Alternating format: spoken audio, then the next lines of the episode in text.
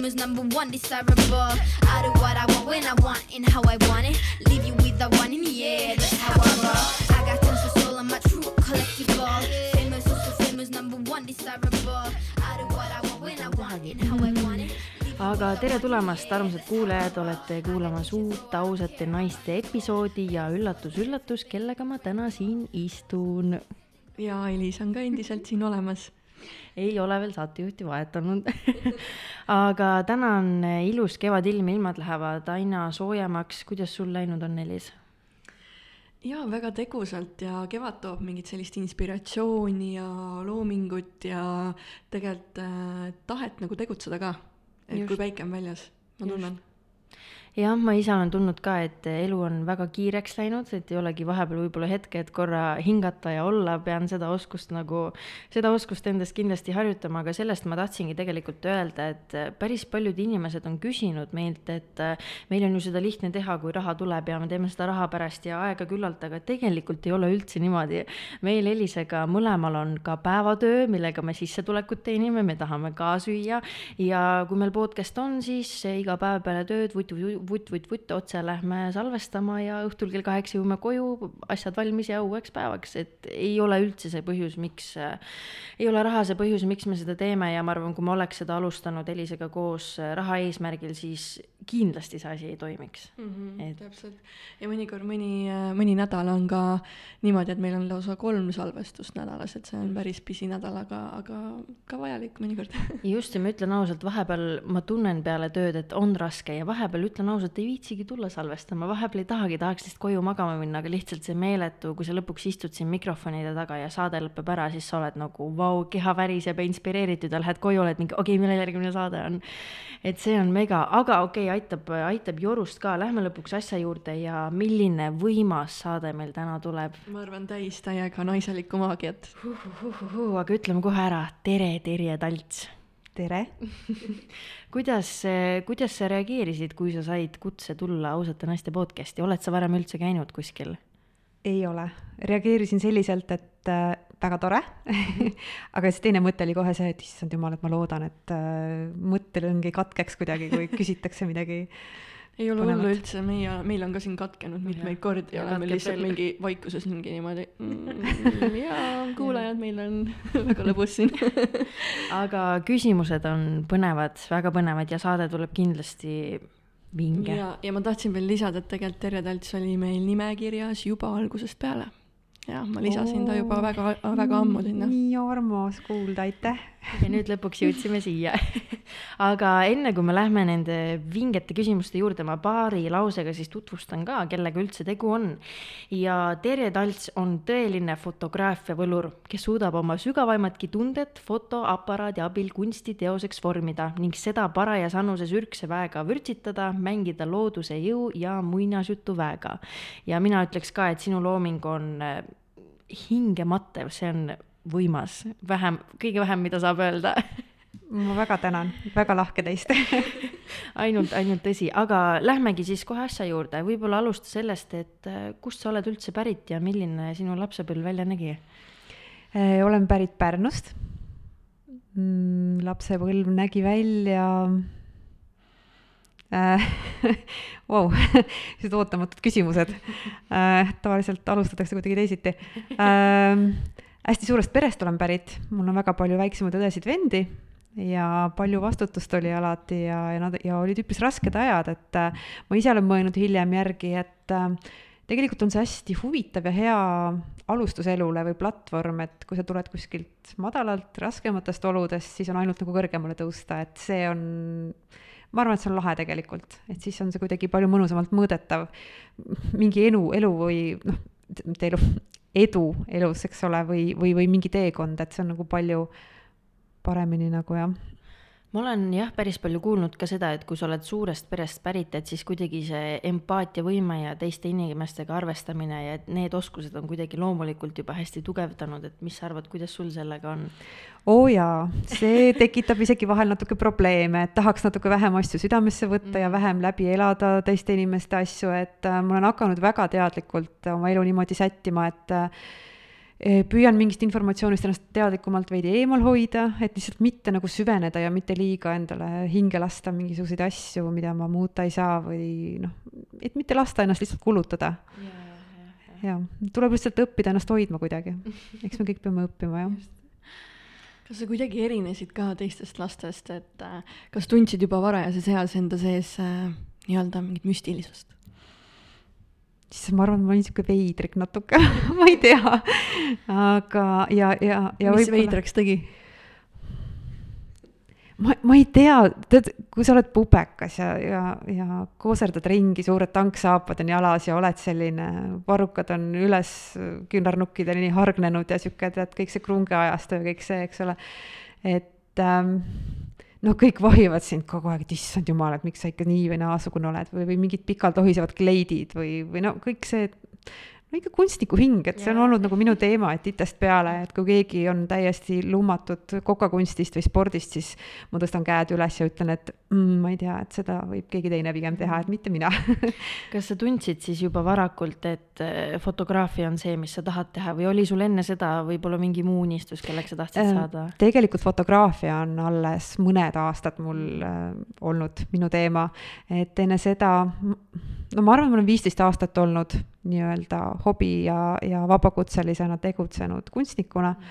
ma olen ka ülikoolis lõpetanud selle eriala ja noh, tõesti nagu beebist peale nende asjadega tegelenud äh,. aga jah, foto juurde ma jõudsin kuidagi hiljem alles, muidu oli ikka maal ja keraamika ja, ja paberikunst oli väga palju aastaid. et selline nii-öelda kunst ja loometegevus oli sa juba väga, väga varakuses eas siis nii-öelda pildis? jaa, jaa ikka väiksena jah. aga sa mainisid ka, et see fotograafia tuli sul tegelikult mõni aasta tagasi, et kui kaua sa sellega üldse tegelenud oled?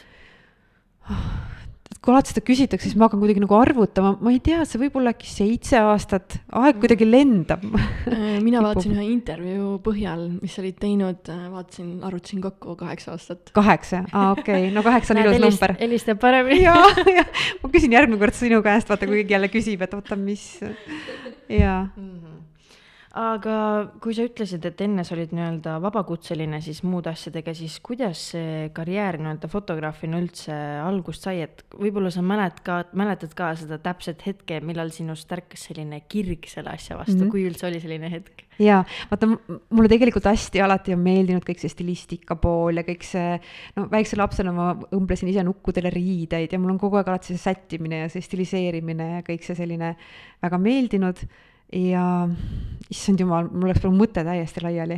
oota, oota, küsi kahe sõnaga uuesti. jaa, et sinu nii-öelda karjääri algus fotograafina, kas sa mäletad seda hetke, millal see kirig nii-öelda tärkas mm? -hmm. aa ah, jaa, et äh, foto on alati mind väga-väga nagu lummanud Äh, aga palju aastaid mul oli see arusaam või see hirm, vaata nagu meil paljudel on paljude asjadega, et äh, ei, et aga ma ju ei oska ja siis mul kindlasti ei tule välja, sest see, mis sul siin kuskil peas on, et oh, mida ma tahan teha, sest su oskused lihtsalt ei küündi selleni.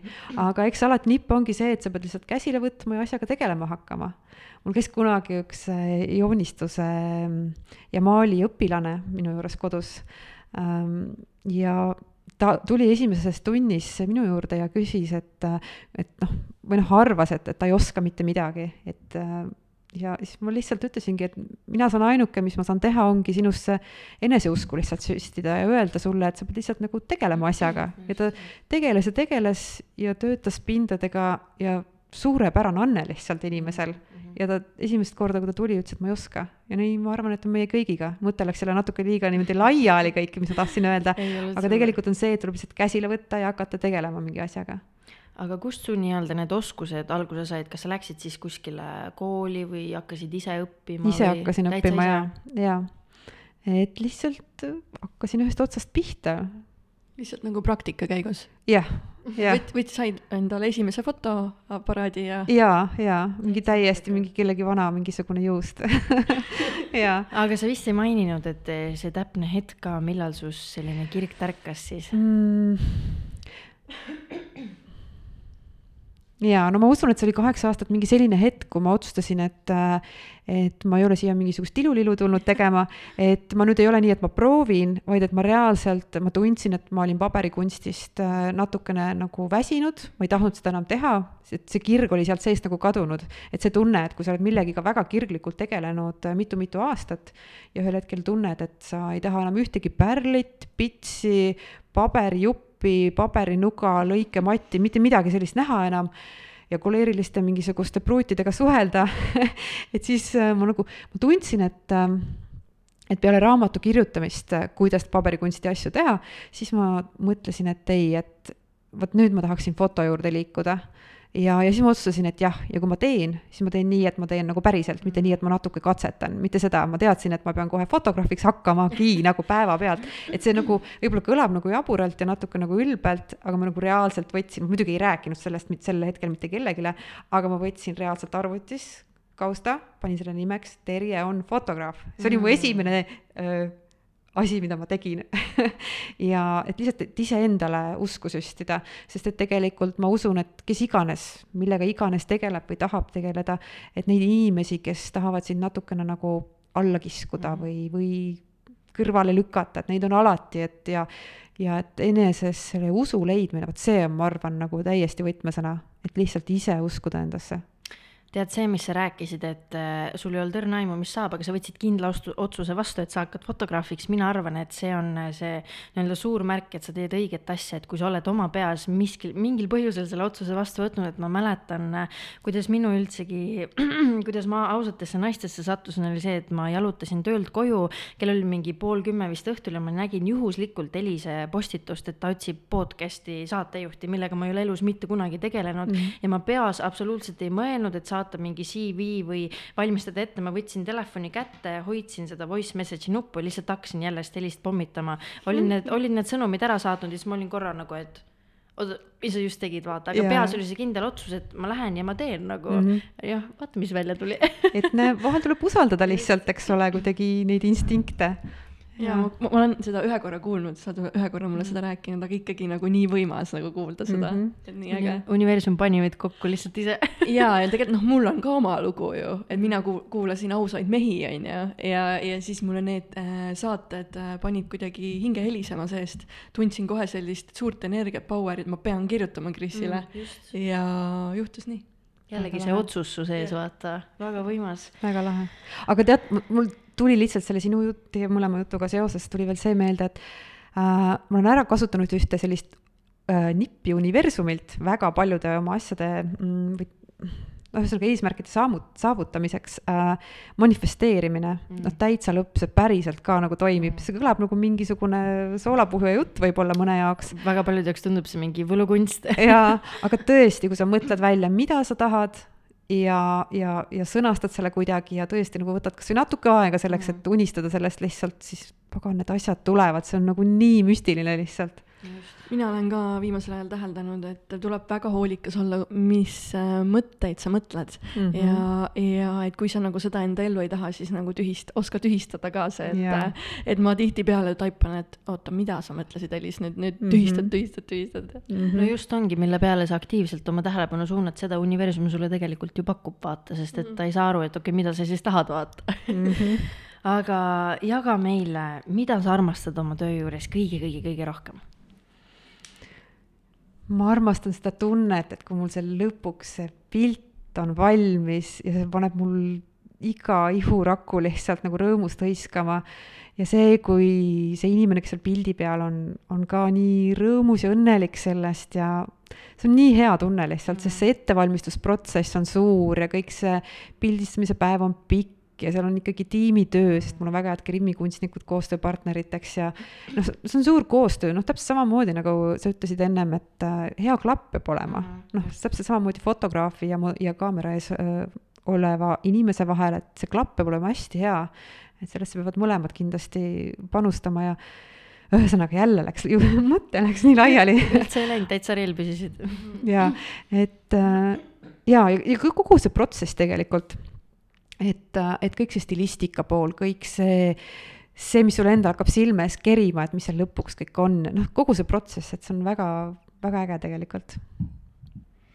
Kas sa teadsid kohe, et sa tahad äh, fotograafina nagu erineda teistest, et tuua inimestes, inimeste fantaasiad reaalsusesse, et kust sai alguse stiil, et piltides kumab just sellist nagu ürgset väge ja muinas, muinasjutuslikku, muinasjutulikku võlu jaa jaa, see on hea küsimus. ma tegelikult, kui ma kunagi maalikunstiga tegelesin ähm, või üldse mis iganes meediume kasutasin, et ma olen alati sinna muinasjutu ja sellise müstilise maailma poole kaldunud. ja, ja kuna ma sihuke veider laps natuke olin ja kõik selline natuke kiiksuga maailm on mulle huvi pakkunud, et siis see tundus kuidagi hästi loogiline, kuigi alguses ma isegi ei taibanud unistada sellest. ma tundsin küll, et kui ma need päris esimesed pildistamised tegin, tavalised portreed äh,, siis äh, tundsin, et ei, et noh, tore, tore, aga see ei ole nagu mulle, et teksapükste ja T-särkidega inimeste pildistamine ei ole nagu minu teema, vabandust, sul teksad ei ole? Ma ei, ma ei mõelnud nii otseselt ja, et lihtsalt noh, sümboolselt, eks ole, et mulle nagu väga meeldib alati see noh, et see oleks nagu visuaalselt nagu noh, mitte nii, nii tavaline, vaid et midagi natukene nagu mitte nii tavapäevast, jah.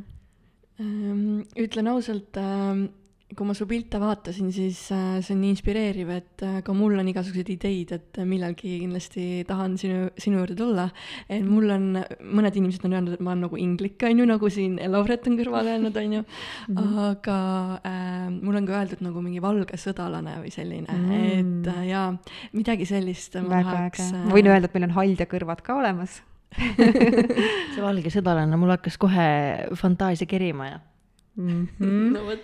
aga mis minu, minu jaoks ongi sinu loomingu poole hästi võimas, on see, et tegelikult tänapäeval on ju nii lihtne asi on Photoshop, ehk siis tegelikult, kui sa teed täiesti tavalise pildi, siis sulle annab sinna sa ei, sul ei pea olema isegi päris hobust või päris öökulli või päris nii-öelda loodust, et sa võid selle kõik sinna taha panna, aga teine asi on see, kui sa reaalselt füüsiliselt koha peal seda energiat lood seal, et minu arust see on nagu pildis, kui inimene vaatab seda pilti, sa ju tunnetad kohe selle ära, et kas see on nagu loodud energiaga või see on kuskil kokku pandud, et see on just võimas, et sa teedki seda step by step, et kõik asjad olekski koha peal olemas mm. -hmm. et siit võib-olla küsikski, et sul on ju, kes iganes loomad sul on koha peal olnud, et kuidas sa neid üldse leiad, kellelt nii-öelda öelda ja kui raske üldse on loomadega koos töötada? tead, kogu aeg peab olema kõrv äh, avatud, silm lahti, kontaktid äh,, hipodroomi lähedal elan muide mm. mm. -hmm.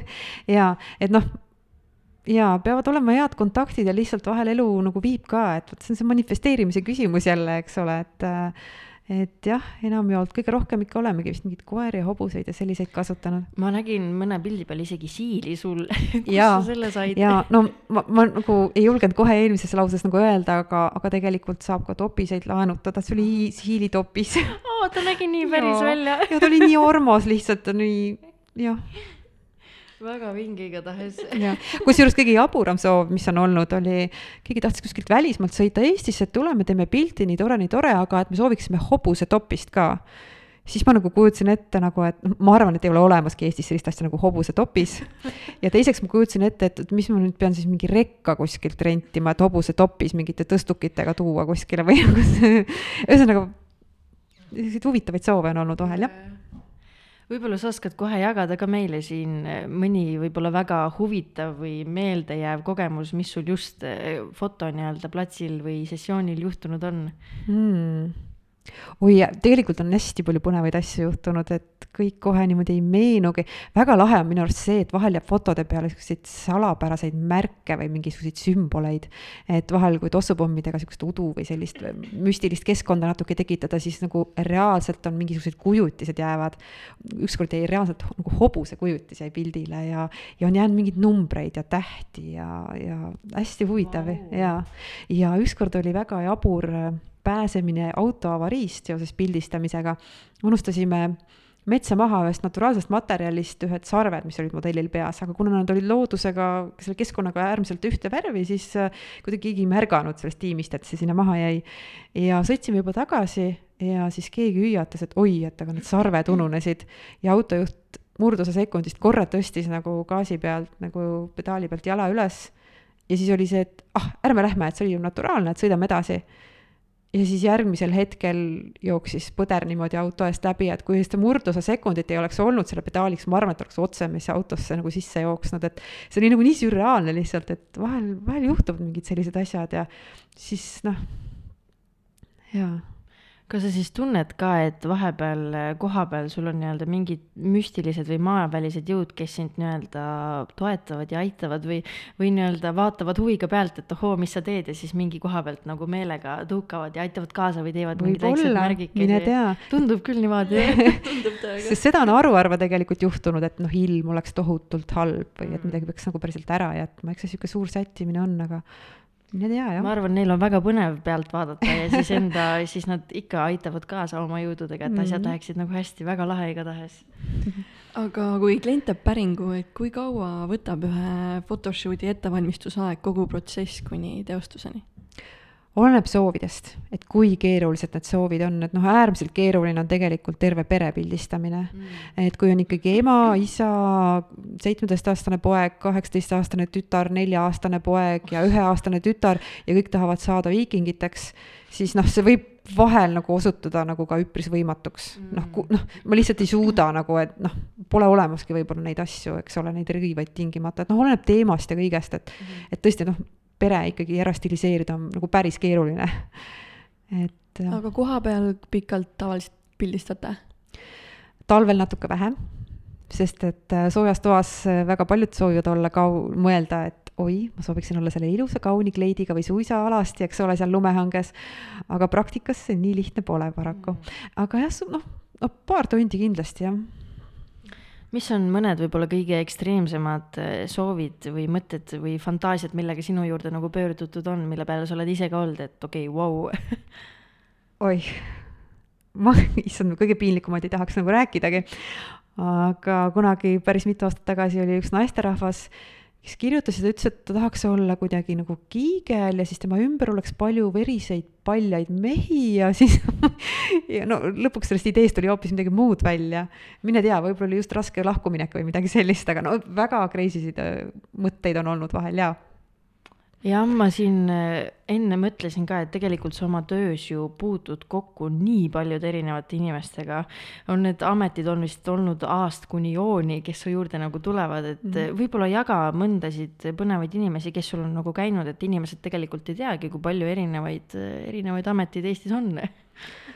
Äh, jaa, et ähm, neiudest, kes lõikavad vineeri kuskil tehastes või on autoremondi lukksepad, kuni siis ma ei oska isegi, see on nii ootamatu küsimus natuke, et nii täpselt ei mäletagi, aga tõesti, et need erialad on olnud ikka väga ikka seinast seina.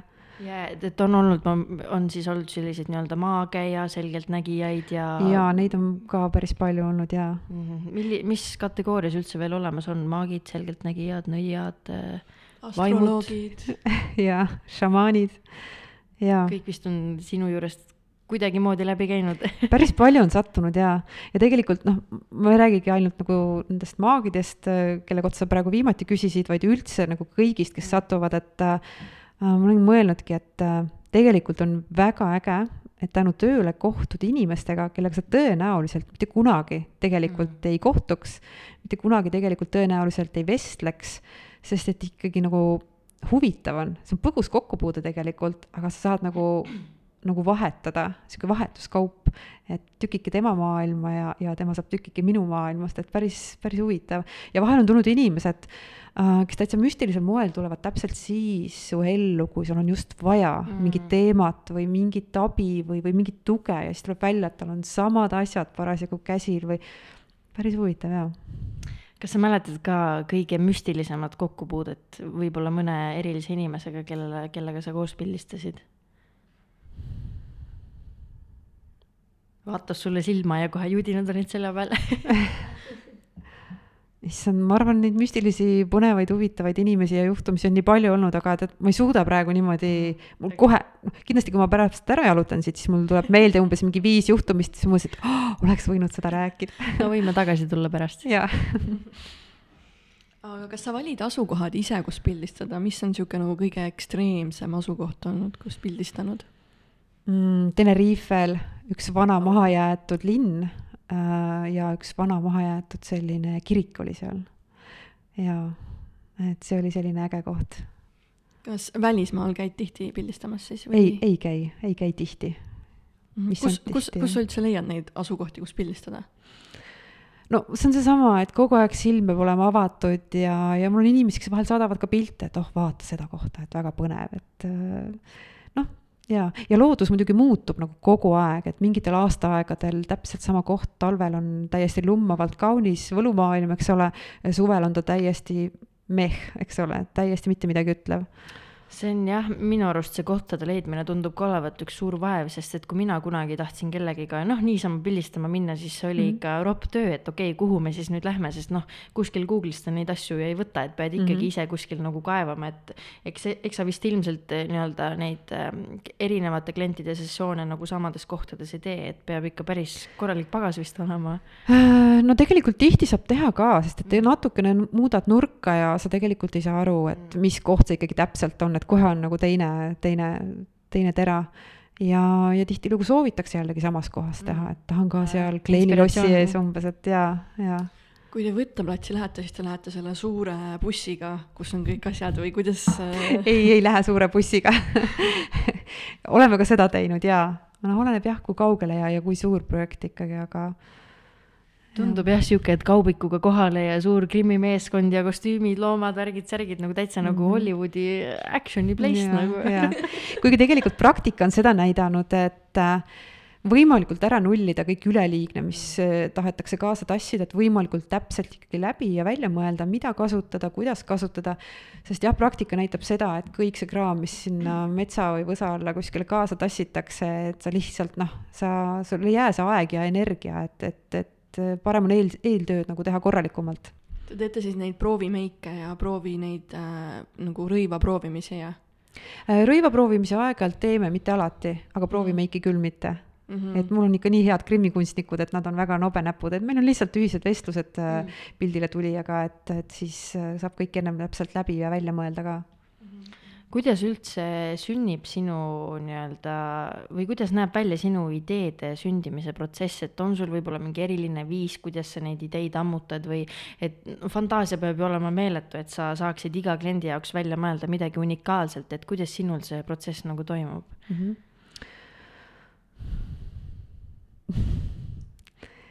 no kust tulevad ideed, kust tuleb inspiratsioon, ma ei tea, kuskilt universumist, ma ei oska öelda. ja vaata tihti. tekivad siis need nojah, noh, mis iganes võib, eks ole, inspireerida. Mm., näed mingit põnevat äh, kohta looduses, põnevat äh, hoonet ja sealt tulebki. Aga kui nii-öelda klient sinu juurde tuleb jutuga, kas siis enamus ajast sa lood selle nii-öelda imago, mis ta tahab, kas sa lood siis selle nii-öelda enda kujutlusvõime baasil või kui palju sa nii-öelda kontakteerud kliendiga ja kui palju tullakse nii-öelda üldse oma soovidega? Mm, -hmm. et kas on rohkem nii-öelda seda, et tere, ma tahan midagi teha või tere, mul on sihuke plaan, teeme täpselt seda. Mm. -hmm kuidas kunagi, mõni teab väga täpselt, mida ta tahab, aga üldiselt tahetakse oh,, tahaks midagi ägedat, midagi muinasjutulist, mõtle mulle midagi välja. Mm.. ja siis hakkame lihtsalt katsetama, et mis talle nagu meeldiks ja sobiks, see on kõigi jaoks niivõrd eriline.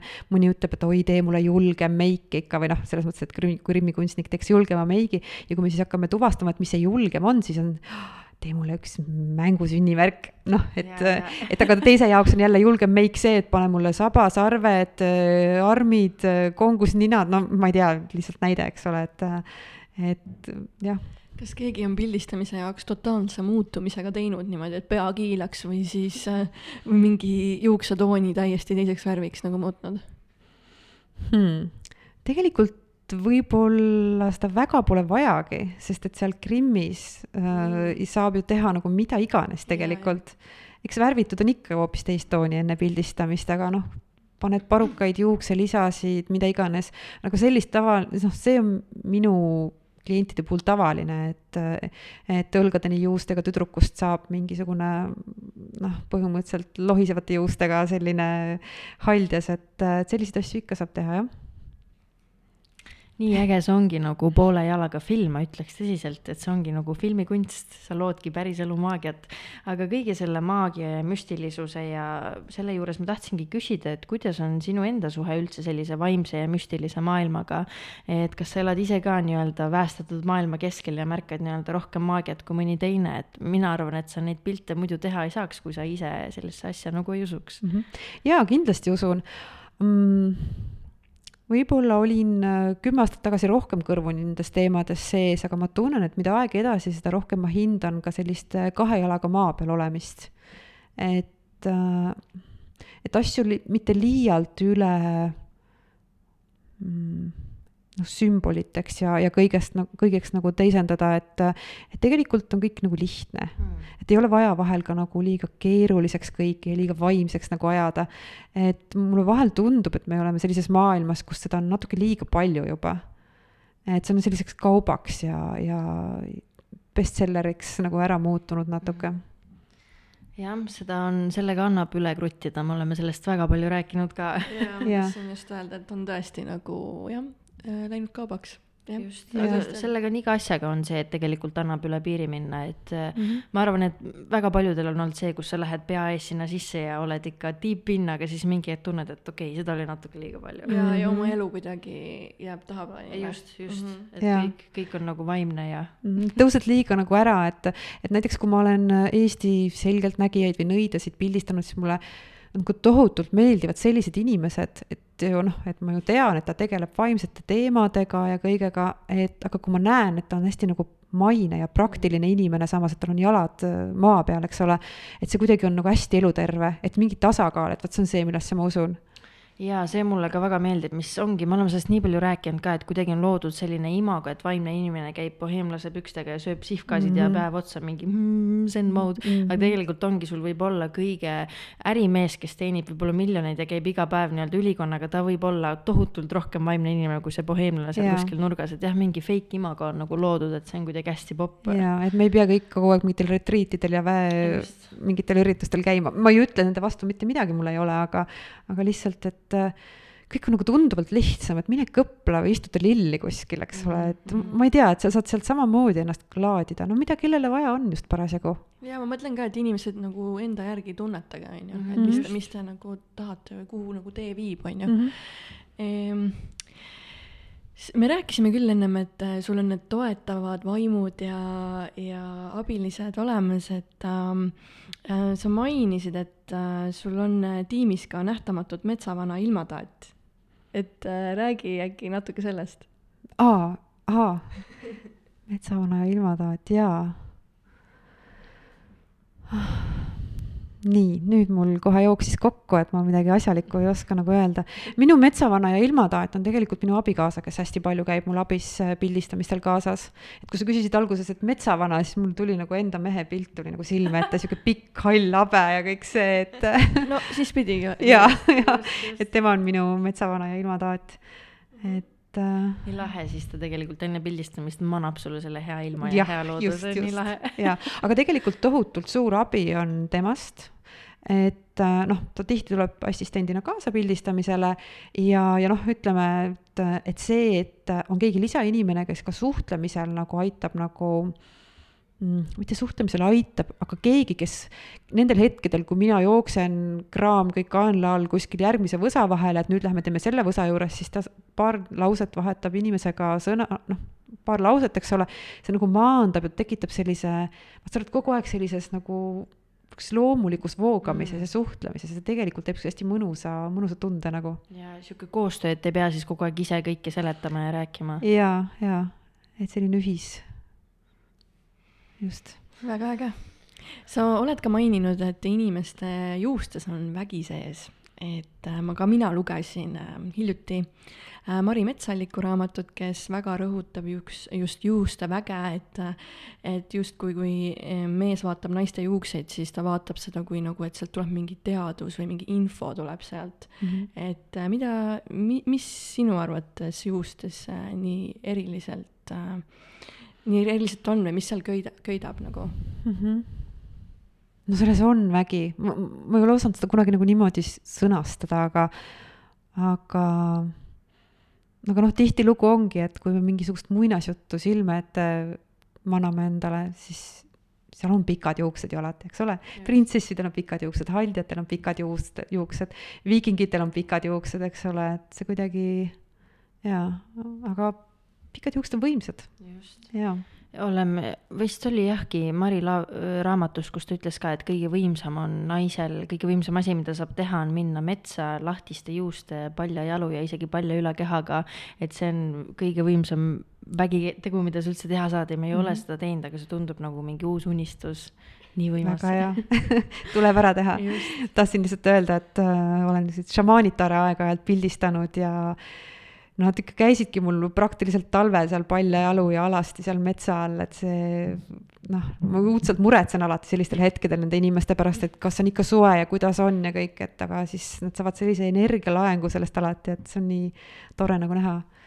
et ja Maril on väga ilusad juuksed ja. jaa ja tohutult me, olen tema Instagrami jälginud ja jälgin, mida ta kasutab ja olen tema nagu neid soovitustooteid kasutanud ei, vahepeal, kui mina alguses vaatasin, ma ütlesin, ei, see ei ole reaalne, raudselt pikendused, aga siis saad aru, et see ongi, need ongi tema väejuuksed. ma olen neid juukseid ise lahti arutanud ennem pildistamist, nii et jah, need on päris wow., ausalt ausalt aga räägi, kas sa tunnetad inimeses ära ka, mis energia tal on ja mida just tema pildil võiks edasi anda? et ütleme, et kui sa inimesega kokku saad, et sa ei ole mingi selgeltnägija, aga sa kuidagi energeetiliselt tunnetad ära, et okei okay,, mingid mm -hmm. asjad su peas loksuvad paika tema energia pärast mm. -hmm. selles mõttes on see natuke keerulisem, et mul ei ole võimalik inimestega tavaliselt ennem kokku saada, sest see lihtsalt ajaliselt, äh, see lihtsalt ei mängi välja. et tõesti, et kuna kõik see järeltöötlus on pildistamisel ikka tõesti ikkagi päris mahukas, mitu tööpäeva veel järjest pärast, et siis äh, veebi teel tavaliselt, sest et tihtilugu need inimesed ei ole isegi võib-olla üldse Tallinnast või, või et aga eks see tulebki siis vestluse käigus lihtsalt kuidagi tuvastada ja inimesel on tihtilugu ikkagi endal eelistusi, mingi nägemus, mingid soovid mm. -hmm. selle järgi, jah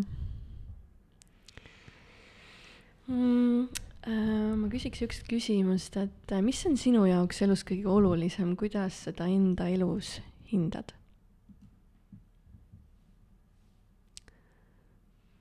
selline pauk-küsimus siia vahele. -hmm. ma, ma arvan, et lähedased, päris kontakt päris inimestega, mm, päris sõprus, päris armastus ähm,, mm, arma-, noh, jah, ema-isaga head suhted, ma arvan, et, et see on hästi oluline mis soovitusi sa võib-olla annaksid, praegusel ajal on tegelikult väga paljudel inimestel raske oma lähedastega üldse füüsiliselt koos olla, et kuidas, mis oleks sinu soovitused, et seda nii-öelda ikkagi elus hoida ja mitte ära kaotada? Suhelda, nagu päriselt suhelda, et kuulata, rääkida. et ma usun, et meil kõigil on olnud mingi periood võib-olla elus, kus me ei ole osanud ka kuulata, märgata, pole taibanud küsida. et tihti on nii, et ühel hetkel seda inimest enam pole ja, ja siis ei saa enam küsida võib-olla ja, ja, ja minna külla ja jah, olemas olla, nagu päriselt kohal olla. just jah, mõneti on see kriisiolukord seda ju tegelikult ka süvendanud, et sa tänu sellele just suhtled rohkem ja just leiad nagu ühendust, et see on, tuleb ja. leida positiivseid asju siit olukorrast. aga lähme hästi korraks tagasi veel sinna naiselikkuse juurde, et me rääkisime, et, et juustes peitub jõud ja, ja meie oleme ka Elisega tihti siin nüüd viimasel ajal just rääkinud, et naiselikkus on tegelikult võimsam jõud, mis üldse siin planeedil olla saab, et mida sina sellest üldse arvad? Mehelikkus samamoodi, et noh, mind äärmiselt lummab alati naiselik naine ja mehelik mees mm. kuigi ma olen pildistanud ka väga pööratud tähenduses neid teemasid, et äh, üks äh, klient soovis kunagi olla habemega naine mm.. ja, et see oli päris huvitav, et tal oli selline bränd ja selline idee fiks nagu sellega, et see kukkus päris lahedalt välja. jaa äge, aga kuidas sina päästad oma sisemist naist, kuidas sa teda elus hoiad mm.? Eks ma püüan teda kuidagi toita sellega, et teen asju, mida ma naudin ja armastan. suhtlen inimestega, otsin lähedust. ma ei tea, ma arvan, et hästi palju on tegelikult üksindust maailmas mm., tegelikult. et me kõik mm, näeme seda kuvandit, ma ei tea, sotsiaalmeedias, kus iganes. aga päriselt nagu tihti, mis meil sees toimub, et see on vahel nagu midagi nagu kurvemat võib-olla vahel, jah jah, me tegelikult eh, inimesed ei tea, kui palju üksindust või asju maailmas üldsegi on, et hästi mm -hmm. palju on seda ju fake imago loomist ja no ühesõnaga see ei ole üldse selle saate teema. jaa, aga no täpselt samamoodi, ma nägin ühte väga tabavat pilti depressiooni kohta kunagi, et vaimse tervise kuu on äkki oktoober või, või ma ajan sassi midagi äh,? peaks olema küll, jah. jah, et äh, sellist tabavat pilti, et oli kollaaž inimestest, kuulsatest, hästi rõõmsad, naeratavad, no kõik see, mis me sotsiaalmeedias näeme, eks ole ja seal all oli kirjas, et äh, seda nägu ongi depressioon. et äh, mm. me ju kõik naeratame no, eks ole, et aga mis seal päriselt seal pinna all vahel on, et. ja seda nimetatakse positiivseks depressiooniks, et mm -hmm. sa mhm. nagu justkui näitad väljast, et mm, -hmm. et sa, sul on hästi kõik, aga lähed pärast koju nutma, patja no just ja kui palju on tegelikult neid juhtumeid, kus äh, inimene, ütleme, et äh, kõige rõõmsamal hetkel, mis inimesed tundusid, siis tegelikult sellel hetkel ta oli kõige hullemas seisus üldse, aga mitte keegi ei osanud seda üldse nagu aimata. jaa, sa ega... lihtsalt maskeerid oma, oma valu millegi alla ja, jaa kas sa mõneti tunned ka, et enda nii-öelda loomingu ja pildistamisega sa kuidagi nii-öelda väljendad iseenda tundeid, et rohkem kui nii-öelda sõnadega? jaa, kindlasti äh,. üpris pildistamise tee alguses äh, mul peres juhtus üks väga kurb asi äh,. nii, vabandust äh, mu ema jäi väga raskelt haigeks. ja kui me siin ennem juustest rääkisime ja kõik, et äh, tema oma haigusega seoses kaotas ka juuksed, nad olid alati olnud väga paksud ja, ja sellised ilusad juuksed ja, ja seda kõike, seda kustumist ja seda võitlust nagu näha, et see oli nagu, see oli nagu väga raske ja vabandust et äh, issand jumal, ma arvasin, et ma, et ei hakkaks enam nii palju aastaid hiljem enam tönnima sellise asja peale. aga ma arvan, et lähed seal vaat sellel hetkel seal kõrval nagu olla, et see on nagu hästi raske, sest et sa, sa ei saa, sa isegi ei julge või ei võta endale õigust enda valuga tegeleda, sest et sa tahad ainult aidata seda oma lähedast, keda sa armastad ja ma arvan, et pildistamine oli minu jaoks see koht, kuhu ma sain põgeneda sel hetkel mm. Et mitte, et ma oleksin mingisugust äh, kurbust sinna piltidesse valanud, vaid pigem nagu, et ma sain täiesti teise maailma nagu ära minna, see on tihti nagu inimene, ma ei tea, loeb, läheb raamatutesse kuskile, noh. või mingi videomängud või noh, midagi teise reaalsusesse. jaa, just, et see kuidagi äh, toetab. muide Äh, Fotografiskas oli paar aastat tagasi Kirsti Mitchell'i üks fantaasianäitus ja ma käisin seal äh, tema intervjuud kuulamas.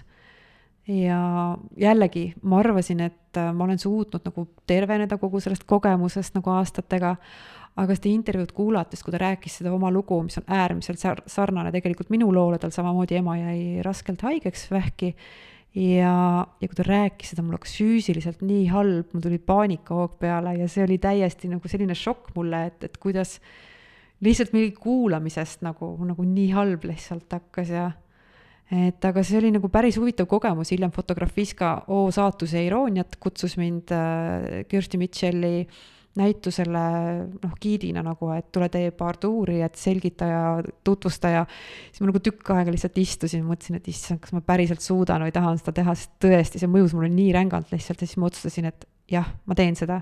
et, et äkki see on see, mis aitab mingisuguse joone nagu alla tõmmata millegile, et äkki see kuidagi ravib mingisugusel moel või, ja see tegi seda, et jaa, ühesõnaga kogu see mm, haigused ja lein, et see on niisugune hästi selline teema, et ma arvan, et loomingus saavad tohutult paljud inimesed tegelikult hästi palju tuge selliste asjadega. Mm.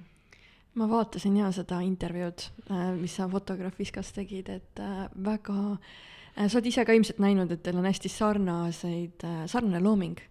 et äh, isegi modell oli teil mingi kaksik või mis, mis see mm. oli? seal oli mingi, et Eestis on sarnane kaksik ah, modell nagu jaa Äh, tema on pildistanud või midagi sellist mm. -hmm. et jaa, tema see põhimodell, keda ta pildistab, mul ei meenu praegu see nimi, et meil on Eestis ka üks inimene, kes on nagu äärmiselt sarnane, eriti mõne pildi peal selle, sellesama modelliga, see oli tore mm. -hmm jällegi universum, universum trikitab, aga minu Mhm. arust Terje, sa oled tõesti väga-väga tugev naine ja see, mis sa ütlesid kuidagi väga ilusti, et see ei olegi nii-öelda kuskile otseselt halvas mõttes põgenemine või oma emotsioonide nii-öelda ignoreerimine, vaid see on just väga ilus, et sa kuidagi, kui sa kedagi leinad või on mingi kurb hetk, siis tegelikult inimese kehas valdavad meeletud emotsioonid, seda lausa nagu füüsiliselt tunda Jaa. ja selle asemel, et need kuidagi nagu endasse koguda mingiks suureks palliks, siis sa lased need välja kuskile mujale, et tegelikult halvas mõttes on seal väga head ja võimsad emotsioonid, et see, et panna see kuskile lõuendile või fotograafiasse või kuskile, et see on mm -hmm. ju, see on võimas ja ma arvan, sellepärast sinu piltidelt nii-öelda füüsilist energiat tunneb ka nii tore väga vinge igatahes. aga ma usun, et igasugune tegevus, mida iganes keegi armastab või mis kellelegi meeldib, tõesti, istuta lilli, niida muru, see kõik on looming tegelikult, toidu tegemine on looming, jaluta, ma ei tea, käi metsas, noh, see kõik on looming tegelikult, et see ei pea olema tingimata see, et nüüd pead võtma pintsli kätte mm, -hmm. jah. Ähm, no see kõik võib-olla ongi juba selle küsimuse vastus, aga ma ikka küsin, et kuidas iga inimene saaks end iga päev tunda kui muinasjutus ja leida enda seest maagia, müstiline jõud? hmm. Mul, mul tuli üks väga isiklik asi kuidagi praegu selle küsimusega seoses praegu meelde, et ma kunagi käisin äh, nõustaja juures, mul olid ka natuke siuksed rasked ajad ja, ja, ja ma sain sellise ärevushäire diagnoosi. Ja siis mulle soovitati sealt, et, äh, et vastukaaluks sellisele praktilisele maailmale, et selline millegi hingestamine või kuidagi nagu müstilise maailma tajumine või selle vastu võtta julgemine, et see kuidagi nagu toetab või aitab äkki mingitel rasketel hetkedel, et mingisuguste probleemidega, et, et eks see on ka sama, sama põhjus, miks paljud inimesed lähevad mingisugustele vaimsetele otsingutele või, või mingite praktikate juurde, et see on kindlasti see, mis neid aitab parasjagu jah, mina ka mingi hetk pöörasin täitsa sinna universumi usku ära ja siiamaani, siiamaani on see mind aidanud ja ongi see, et vahepeal on neid hetki, kus sa lihtsalt nutad võib-olla kuus tundi järjest ja kõik mm. -hmm. tundubki olevat, et kõik, ma ei taha enam mitte midagi teha mm. -hmm. aga ongi see, et kuidagi siis võtad ennast kokku ja usaldad elu ja usaldad universumist ja lähed loodusesse ja võib-olla mediteerid natuke ja sa tunned mm -hmm. ennast nagu täiesti teise inimesena Jah. et võib-olla varasemalt ma oleks, ma ei tea, krõpsu toonud ja Netflixi käima pannud ja sellega kuidagi ignoreerinud seda, aga tegelikult see universumi jõud on nagu Jaa. meeletu, ma arvan, me sinuga, Elis, seda ei, ei räägi sellest veel vähe jaa, just, aga ma arvan jaa, et iga inimese sees on mingi müstilisus ja maagia. Nad peavad ise selle enda seest lihtsalt üles leidma ja ma usun, et Terje äh, aitab sellele väga-väga palju Jaa. kaasa. Ning seepärast ma ise tahaks ka juba seda kogemust kogeda. ma tulen kaasa igatahes aga meie hakkame lõppu tegelikult jõudma tasapisi, et ma lugesin ka sinu ühte intervjuud ja siis sa mainisid ka, et kunagi enne sul oli, noh, sa olid selles müstilisuse ja vaimse maailmas nagu päris, päris sügavalt sees, et võib-olla jaga, mis olid sinu nii-öelda mingid lemmikraamatud või lemmikfilmid, telesarjad, kui sul üldse tuleb miskit nagu meelde. või sa võid praegusest ka mingit lemmikraamatut jagada, mis sulle on meelde jäänud? issand jumal, ma arvan, et ma ahmisin päris paljusid asju ja mitte nagu tingimata raamatuid, vaid pigem selliseid vestlusi otsisin ja selliseid mõttevahetusi. aga ma tundsin ühel hetkel, et ma väsisin sellest kõigest lihtsalt ära, sest et äh, üks asi, mis mulle kohe, ma olen avastanud, mulle sugugi ei sobi, kui tuleb keegi, kes peab ennast äh, arvamusliidriks või guruks mm. ja ütleb, et on olemas mingi üks sajaprotsendiline tõde vot see on asi, millega ma kuidagi ei nõustu lihtsalt, sest kõik on, kõik inimesed on erinevad ja igalühel on see oma tõde ja see ongi, igalühel on oma universum tegelikult. just, ja me oleme sellest rääkinud ka, et mida rohkem on arvamusi ja tõdesid, tegelikult see teebki selle asja nagu võimsaks ja, ja võluks, et tegelikult igal inimesel on õigus, omat mm -hmm. moodi tal on omas maailmas õigus. ja, ja kes on empaatiline, see saab aru, et on olemas teise inimese tõde, eks ole, et ei ole ainult sinu enda oma no just, kõik me oleme ju, vaatame erinevast kohast asju mm. -hmm, just, just. Viimane küsimus sulle. jah, mina, võib-olla isegi meil kaks küsimust siin tegelikult. jaa, palun. et eh, mida, mis sina arvad, et kuidas saab elust võtta maksimumi, mida selleks vaja teha on? väga lihtne mm, nautida. ma kuidagi väga olen hakanud hedonismi hindama, mitte et ma oskaksin seda aja mahavõtmise kunsti ja nautimist ja kogu seda asja, aga ma püüdlen nii väga sinnapoole. ja ma natuke võib-olla olen muutunud selliseks üksikumaks hundiks, kui ma varem olin. ja ma isegi nagu naudin seda, kuigi mulle väga meeldib suhelda, mulle väga meeldib vestelda, aga kuidagi ma tunnen, et ma tahan ennast nagu hoidagi vahepeal kuidagi omaette. et äh, isolatsioonis jaa, aga heas mõttes, et, Jah.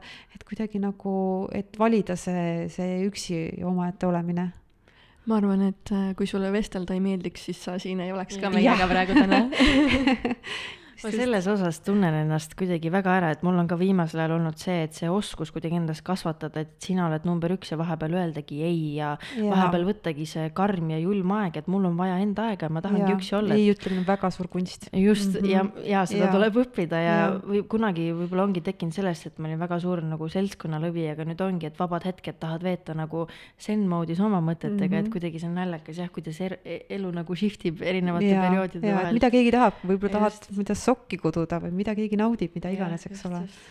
jaa.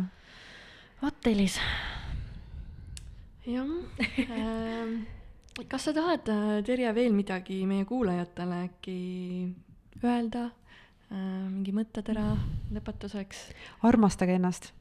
teate, mul lihtsalt praegu random mõtted lihtsalt kihutavad läbi pea, eks ole, ja kui sa küsid, et mida ma tahan öelda, ma hästi palju, olles ise naine ja kohates nagu väga palju inimesi, kes tulevad kaamera ette, issand jumal, inimesed ei oska ennast armastada. noh, selles mõttes, et äh, muidugi ei taipa ennast armastada, kogu aeg on midagi, millega me pole rahul, kogu aeg ei ole sa nagu piisav, ei ole piisavalt tark, ei ole piisavalt seda, teist, kolmandat, igasugu pisiasjad. ja siis läheb mööda sada aastat ja siis mõtled, et noh, kui läheb sada aastat, mõtled, et issand jumal, kas oli ühte ainust sekunditki, kui ma ennast nagu päriselt armastasin. vot ma püüdleksin ise nagu selle poole. Ja ma nagu julgustaksin inimesi, et armastage ennast see on jah, väga ilus mõte, see on jällegi väga suur oskus, mida tuleb inimestel õppida ja kuskilt ma kuulsin väga head mõtet, et eh, praeguses hetkes tee neid asju, mida kaheksakümne aastane sina vaataks ja oleks mingi vau, vot väga hea, sest enamus ajast, nii palju, kui me oleme vanemaid inimesi kuulnud, siis põhiasi on ikkagi see, et nad tol hetkeks nii kahetsevad seda, et mingid väiksed mikroasjad, mille peale nad isegi ei mõtleks, siis mm -hmm. nende pärast jäid asjad nagu tegemata. jaa absoluutselt, see on see, et mida inimene kahetseb, kui ta seal kuskil surivoodil on, eks ole, et oh, miks ma seda ei teinud ja. miks ma üldse selle peale mõtlesin? ja, ja kui sul on kellelegi midagi head öelda, siis ütle nüüd ja kohe. et kui sa näed enda vastas istuvat inimest ja, ja mõtled midagi head, no ütle see hea asi kohe välja, et ära jäta seda nagu, nagu ainult enese teada. aga tead, ma selle suhtlemise osas äh, mõtlesin veel seda korra, et, et äh, hästi raske vist üldse läbi aegade on leida inimesi enda vastu ja enda kõrvale, kellega päris kontakt tekib. Mm.. no kas või see, et, et sa suhtled küll inimestega, aga enamusega on ju ikkagi sul mingisugune sein on ees, et te tegelikult ei pääse nagu tegelikult päriselt üksteiseni, et ei ole sellel hetkel nagu selles sarnases kohas, et see nagu ei vooga, see suhtlus. Mm.. et vot, kui on inimesi elus, et kui leidub selliseid väheseid, siis tuleb neist kohe kümne küünega kinni hoida just, ja me oleme rääkinud ka ja aru saada, kui see suhtlus ei, ei toimi sinu jaoks ja osata mm. ka sellest lahti lasta, et sellest me oleme ka et rääkinud. mitte nagu klammerduda ka Just. samas nagu Mhm, mm, jaa. lasta vabaks, osata lasta vabaks. et ei ole vaja alati tahta parandada lõputult, et ma olen sinna korduvalt ja korduvalt äh, oma elus astunud sinna ämbrisse, et äh, et tahad äh, sõprussuhet kuidagi parandada, leida mingit põhjust, mis on juhtunud, miks, et kuidagi nagu tervendada. vahel tulebki eraldi, eraldi radu lihtsalt käima hakata, et kõike ei olegi võib-olla vaja jah, see on, minus näiteks tekkis see meeletu süütunne ka, kui sul on keegi olnudki näiteks mingi lapsepõlvesõber, kelle, keda sa tunned mingi kümme aastat juba, te olete, saate imeliselt läbi ja mingi hetk tuleb see hetk, kus lihtsalt lihtsalt olete nii lahku kasvanud, aga kuidagi Mhm. see süütunne on nii suur, et me ju tunneme Mhm. üksteist kümme aastat, kuidas me nüüd järsku enam nagu ei Mhm. suhtle, et nagu ja siis võtadki seda kõike nagu endasse, aga siis see läheb just rappa, sest et no te ei sobi enam suhtlema, mitte et see oleks halb, aga te olete nii erinevas suunas Jah. läinud, aga siis sa tunned nagu ennast pahasti, et nojah, et äkki mina olen halb inimene mm. -hmm. et kuidagi jah, tuleb nagu ennast eraldada ja sellest aru Jaa, saada. minu arust süütunne on üldse selline asi vist, mida on naisi, mis naisi nagu tohutult nagu terve elu saadab, sul on kogu aeg süütunne. Kui sa oled lõpuks lapsevanemaks saanud, siis on sul süütunne lapse ees, siis on sul süütunne mehe ees, siis on sul süütunne ühiskonna ees, et sa ei ole piisavalt edukas, siis on sul noh, lõputu selline nagu enesematerdamine lihtsalt, et. jaa, ma olen ka seda kuulnud täiesti, et noh, Metatraie seal saates me saime teada, et süütunne on see, mis inimesi ähm, nagu juhib Just. ja millega saab neid kontrollida siis nagu paremini, et tegelikult kui inimene tunneb ennast süüdi, ta on ju väga haavatav, sul on lihtne teda suunata sinna, kus ta enam ei tunneks ennast süüdi mm. -hmm. et jah, selles süütundes ka mina tunnen ennast ka mingites väikestes asjades läbi päeva ära, kus tegelikult ma ei peaks üldse muretsema, aga ma võtan selle vastutuse enda peale, et okei okay,, mina pean nüüd seda tegema, kuigi tegelikult ma ei peaks isegi mõtlema mm -hmm. selle peale. ja, ja, või et oi, mis nüüd saab, et mis siis saab, kui juhtub see ja Just. selline ette muretsemine. mul abikaasa alati ütleb, et miks sa muretsed ette selle pärast. on asju, mille pärast on mõistlik natuke Just. mitte muretseda, vaid nagu süsteemselt kuidagi nagu mingeid, mingeid plaane teha natukene, eks ole, et. äh, ja see on jah, kuidagi naistel vist eriti need tunded lähevad kuidagi füüsilisse kehasse, et see ei ole mitte ainult vaimsel tasandil mm, -hmm. sa kuidagi kuskil kehas tunnetad, näiteks mul läheb nagu südamesse, keegi oleks nagu korra noa pannud, et hästi tugevalt nagu mm -hmm. tunned seda. ja üldse vaata, need pinged ju kogunevad tegelikult kogu su kehas lõpuks mm, -hmm. et kui sul on stress, ületöötamine, kõik see selline.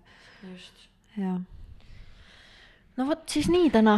sellised lood. jah, mina tahtsin hästi korra veel täpsustada, ma ei tea, kas sa mainisid, et kas sul on mingid väiksed asjad või mis hobid sul üldse on peale fotograafiat või peale tööd, mis sa nagu teed, kui see nii-öelda mängust välja võtta? hobid, jaa. mida sulle meeldib teha? Äh, viimasel mõnel aastal ma olen avastanud, et mulle meeldib lilli kasvatada täitsa nali. Äh, just äh, paar päeva tagasi vii-, veetsin internetis ühel lehel aega ja raiskasin kolmkümmend eurot selle peale, et tellisin lilleseemneid kuskilt postipakiga, just täna sain kätte just sekund enne, kui hakkasin teie poole liikuma, siis vaatasin, et mis seal siis nüüd kõik tuli, eks ole. et äh, ma tunnen sellist nagu ürginstinkti, et ma mm. tahan midagi istutada kuskile kas sul on siis ja. olemas enda mingi aiake või koht?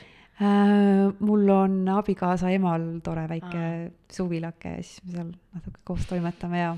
no vot, jällegi miski, mis paneb silma särama, mingi ja, väike asi. et jälle natuke midagi teist. just mm. -hmm. nii äge. just. aga ongi, ongi kõik vist ja. nüüd. kui sul just ei ole ise midagi veel öelda mm.. ütles kõik ära. ütlesin kõik ära, jah kindlasti pärast meenub umbes viiskümmend asja, mida oleks pidanud ütlema, jah. aga mina tänan, Terje, et sa võtsid mu kutse vastu siia tulla. et me oleme väga tänulikud. just, ja tõesti, nagu me enne ennustasime, väga võimas saade tuli. väga palju väärtust lõid ja, ja kuidagi jah, väga väga sihuke kerge ja hea tunne on. nii tore nagu,, aitäh, et te kutsusite, olete väga armsad aga kuulajad, kui teile see saade meeldis, siis likeige, share'ige, kommenteerige äh,, ootame tagasisidet, arvamusi, ettepanekuid, keda te võib-olla tahaksite kuulda ja,. jah, jah, võib-olla teeme isegi Instagramis mingi küsitluse. ja just, just mm. -hmm. aa ah, ja Terje, kust sind inimesed üles leiaksid või kust äh,, jah mm,? peaasjalikult mul on Facebookis leht Terje Taltsi looming mm,. Okay. seal on mul pisike portfoolio. Instagramis vist on ka, jah? jaa, aga kuigi ma olen jah, natuke sihuke laisk Instagrami kasutaja no aga selge, siis äh, minu poolt ka veel aitäh ja kuulajatele soovime kenat õhtu, hommiku või lõuna jätku ja Terjele ütlen ma kohtumiseni väga tore, ootan head aega.